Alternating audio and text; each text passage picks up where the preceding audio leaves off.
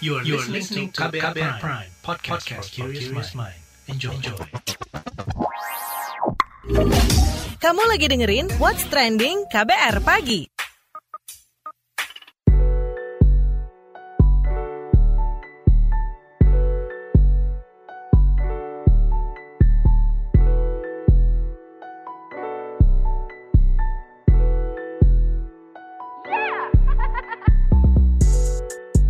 KBR Pagi, siaran pagi radio paling update. Selamat pagi, apa kabar Anda di hari Selasa 19 Januari 2021? Ketemu lagi dengan saya Don Brady di What's Trending KBR Pagi yang selalu ngobrolin hal-hal yang lagi ramai diperbincangkan. Pagi ini kita menilik gerakan digital warganet sepanjang 2020. Jadi petisi online menjadi salah satu cara publik untuk uh, terlibat dan berpartisipasi menyuarakan gerakan sosial – Beberapa gerakan digital tidak bisa dipandang remeh nih karena dinilai mampu membuahkan perubahan. Nah, lantas seperti apa gerakan digital warganet selama 2020 kemarin? Jadi seperti yang ditemukan dalam wadah petisi online change.org, pada kuartal pertama dan kedua 2020, isu mengenai pandemi COVID-19 mengemuka dan banyak petisi muncul dengan permintaan yang berbeda-beda. Sementara di kuartal ketiga dan keempat 2020, sebagian besar publik menyoroti isu mengenai demokrasi, kebebasan berpendapat, dan beberapa produk legislasi yang problematik. Sebelum kita obrolkan lebih lanjut soal gerakan digital warganet sepanjang 2020, kita dengarkan dulu komentar warganet plus 62 berikut ini. Ini dia. Komentar dari akun at game is loading. Jadi influencer kui. Juga komentar akun at senyum senyap. Kalau semuanya jadi influencer yang diinfluence siapa? Lalu ke akun at imam underscore hayat 14. Musim bikin petisi, daring pula. Komentar akun at underscore Cecilia, digital activism meningkat dengan sangat pesat terlebih saat WFH. Berbagai aktivitas digital masyarakat secara lebih aktif turut melakukan berbagai gerakan sosial melalui berbagai platform digital di mana mereka aktif menyatakan pendapat dengan tujuan yang beragam. Akun at Dr. underscore Muldoko, marilah lebih arif dan bijaksana dalam penggunaan internet, karena kekuatan dua jari bisa merusak semua. Kecepatan media sosial dapat memberikan resiko luar biasa dan bisa bisa merusak kehidupan sosial apabila dipergunakan dengan tidak bertanggung jawab. Lanjut ke at underscore Juan Ramadan. Kampanye medsos sedahsyat apa pun, petisi daring seramai apa pun, dan challenge seviral apa pun, namun pada akhirnya persoalan struktural mesti dihajar dengan solusi struktural pula. Terakhir ke komentar akun at Zahra Amalias. Hampir seluruh aspek kehidupan kita sekarang dilatar belakangi perkembangan teknologi dan media sosial. Mulai dari kegiatan sosial seperti bersapa dengan teman dan keluarga, aktivitas komersil seperti belanja online, sampai hal berbau politis seperti aktivisme dan kampanye partai. Begitu pula dengan gerakan feminisme yang sekarang bersentuhan dengan dunia digital. Hal ini memunculkan bentuk-bentuk aktivisme baru seperti penggunaan tagar dalam kampanye media sosial hingga penggerakan dukungan massa masa dengan petisi daring.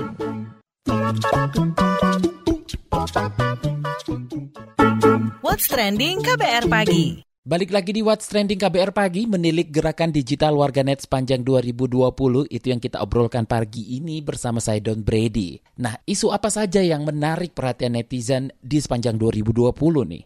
Denok Pratiwi, manajer kampanye change.org, memaparkannya dalam acara potret gerakan digital 2020 di change.org kemarin. Kita simak berikut ini. Tiga isu besar yang terjadi ada pandemi, eh, pandemi COVID, kemudian ada krisis iklim dan juga demokrasi. Isu mengenai pandemi sendiri juga uh, menjadi banyak permasalahan yang nggak cuma terjadi di negara-negara berkembang juga, tapi di negara maju dan pandemi ini mempengaruhi hampir semua aspek kehidupan, terutama yang menonjol dari isu pandemi ini adalah soal inequality dan ketidaksetaraan. Misalnya akses ke tes perawatan atau fasilitas kesehatan yang kurang merata di kelompok-kelompok masyarakat. Jadi kelompok masyarakat yang memiliki privilege seperti orang yang lebih kaya atau yang lebih punya kekuasaan, mereka lebih mudah mengakses dibanding dengan eh, orang-orang uh, yang berada di kelompok-kelompok yang terpinggirkan itu dan ini uh, kita lihat juga sangat trennya itu bukan cuma di Indonesia tapi juga secara global. Yang lain juga adalah soal isu demokrasi kita lihat juga tren di global itu juga ada hubungannya dengan penurunan kualitas demokrasi. Misalnya seperti yang terjadi di Hong Kong, India, Thailand, dan juga di Indonesia. Kurang terbukanya akses publik untuk menyuarakan aspirasi dan juga untuk didengarkan pemerintahan dan juga oleh parlemennya itu juga menjadi salah satu masalah besar.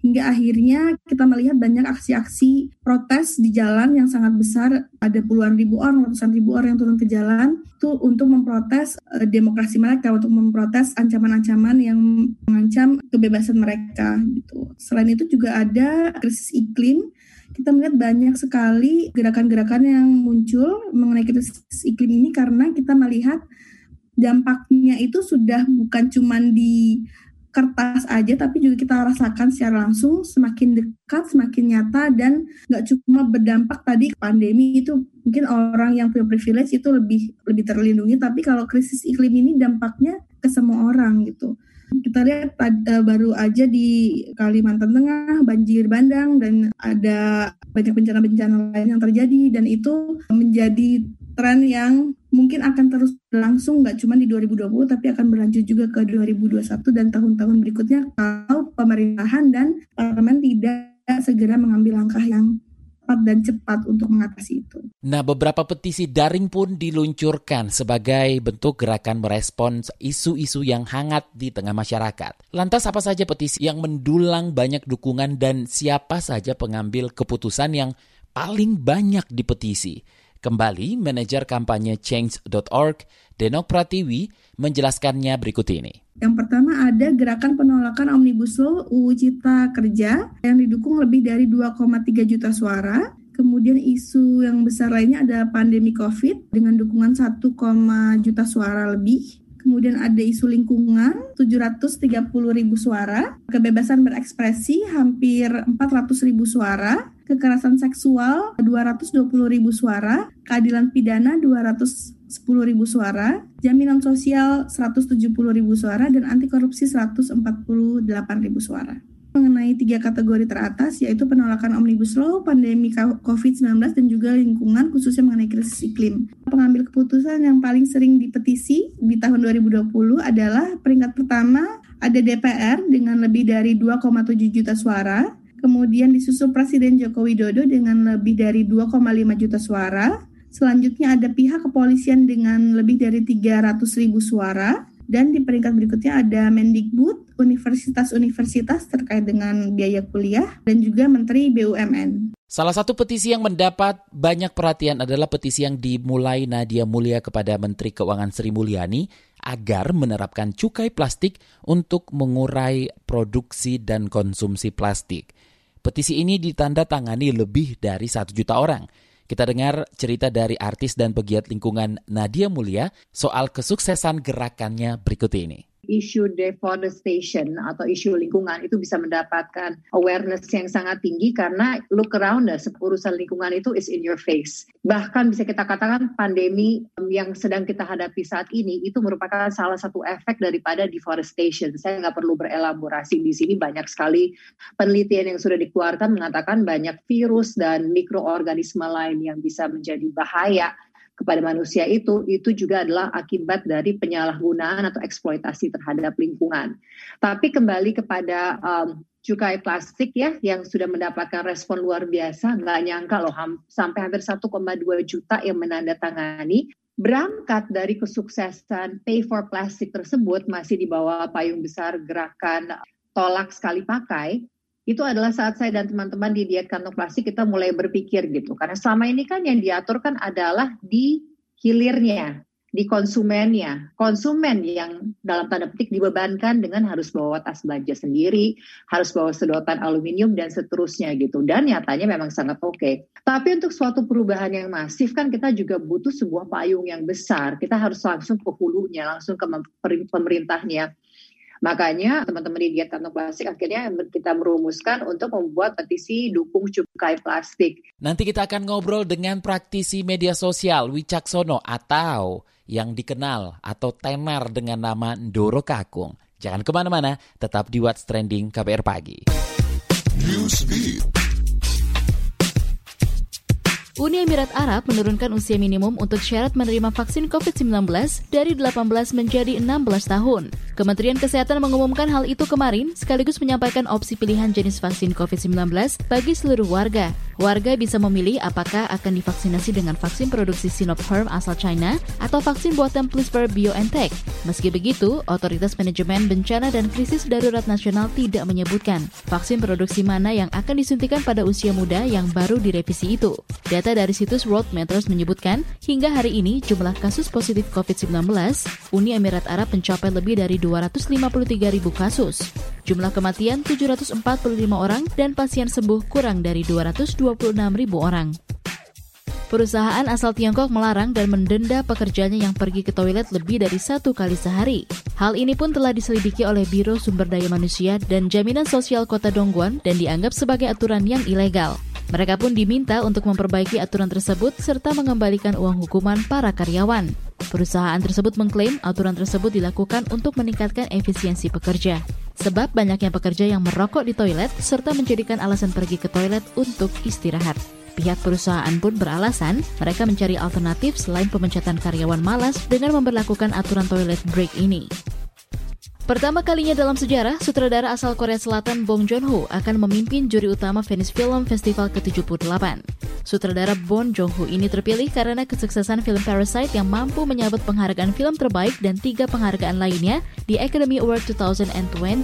Pihak Venice Film Festival menganggap Bong Joon-ho memiliki suara paling otentik dan orisinil dalam bidang perfilman saat ini sebab ia kerap memasukkan permasalahan sosial dalam karyanya. Venice Film Festival ke-78 sendiri akan diselenggarakan pada 1 hingga 11 September 2021.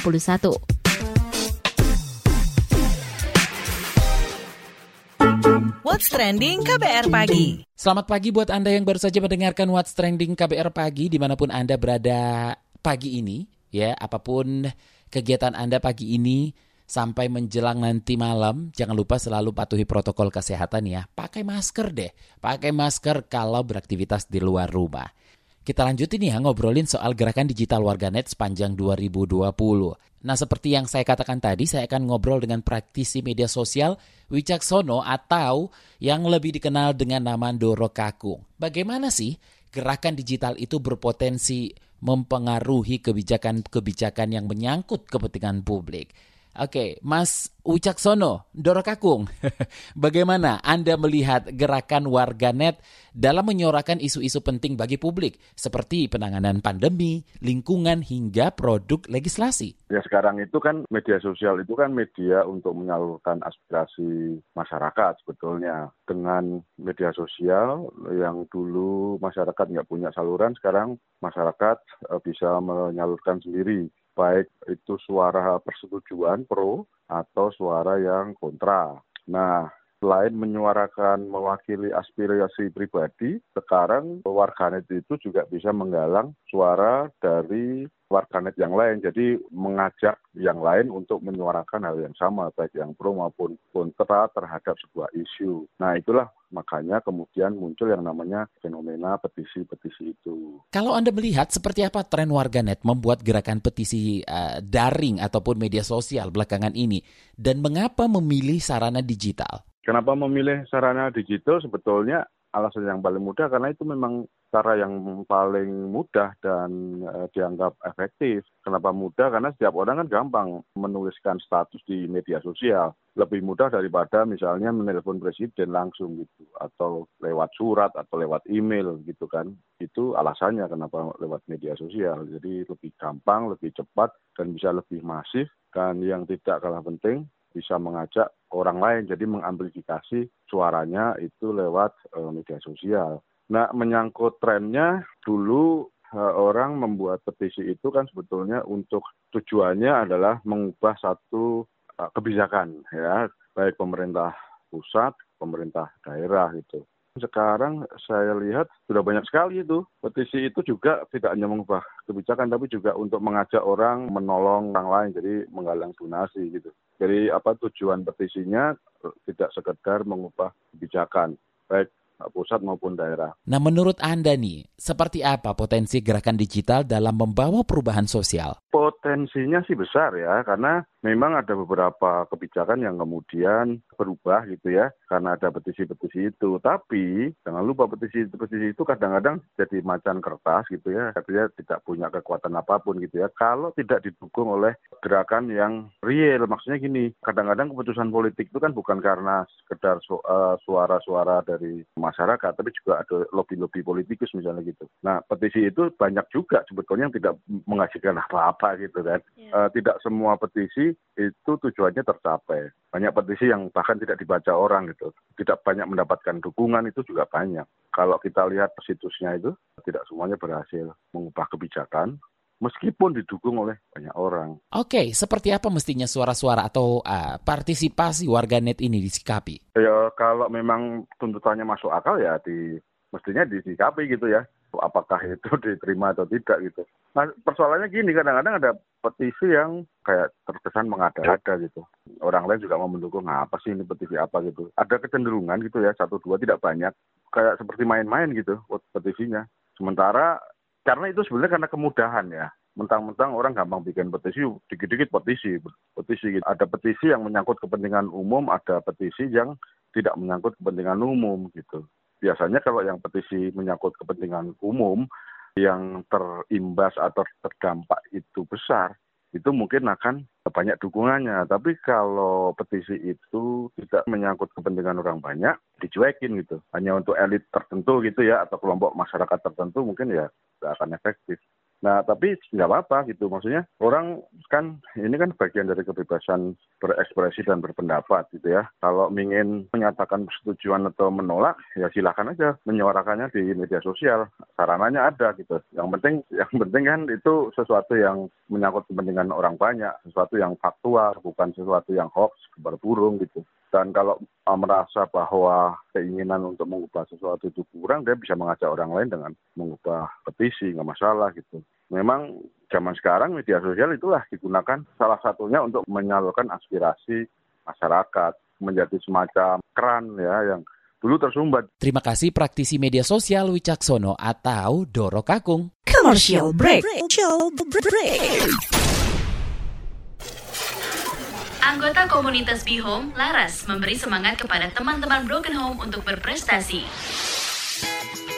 kalian tidak sendiri dan keluarga yang patah bukan berarti menghancurkan hidup kalian semua. Buktikanlah bahwa anak broken home itu juga berprestasi dan bisa berkembang sebagaimana layaknya anak-anak di luar sana karena untuk menjadi anak yang berprestasi atau sebagai anak yang dicap nakal itu tidak hanya dari anak broken home, anak dari keluarga yang utuh bahkan dalam keluarga yang utuh namun di dalamnya banyak konflik pun itu bisa menyebabkan nakalan remaja lah istilahnya. Simak obrolan selengkapnya dalam podcast Disco, diskusi psikologi dalam episode Ketika Rumah Bukan Tempat Ramah di kbrprime.id dan platform mendengar podcast lainnya. What's Trending KBR Pagi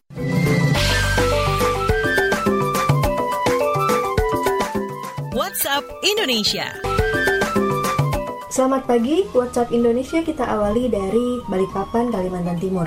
Pemerintah Kota Balikpapan akan menerapkan kebijakan pengetatan di pintu-pintu masuk jalur laut dan darat. Sebelumnya, Pemkot telah mengetatkan pintu masuk jalur udara dengan wajib mengantongi surat keterangan rapid test antigen negatif bagi pendatang. Wali Kota Balikpapan Rizal Effendi mengatakan Satgas Penanganan COVID-19 telah menyepakati diberlakukan pengetatan di pintu masuk jalur darat dan laut. Pengetatan dilakukan dengan wajib mengantongi surat keterangan rapid test antigen negatif bagi pendatang. Pembatasan dilakukan karena kasus penularan yang sangat tinggi, rata-rata setiap harinya mencapai seratusan kasus positif baru, apalagi jalur laut karena rata-rata penumpang kapal mencapai 400 hingga 500 orang. Pekan kemarin, pemerintah kota Balikpapan juga telah menerapkan pemberlakuan pembatasan kegiatan masyarakat atau PPKM selama dua pekan. Tempat hiburan, objek wisata, maupun fasilitas publik ditutup sementara. Kemudian dilakukan jam malam mulai pukul 22.00 waktu Indonesia bagian tengah.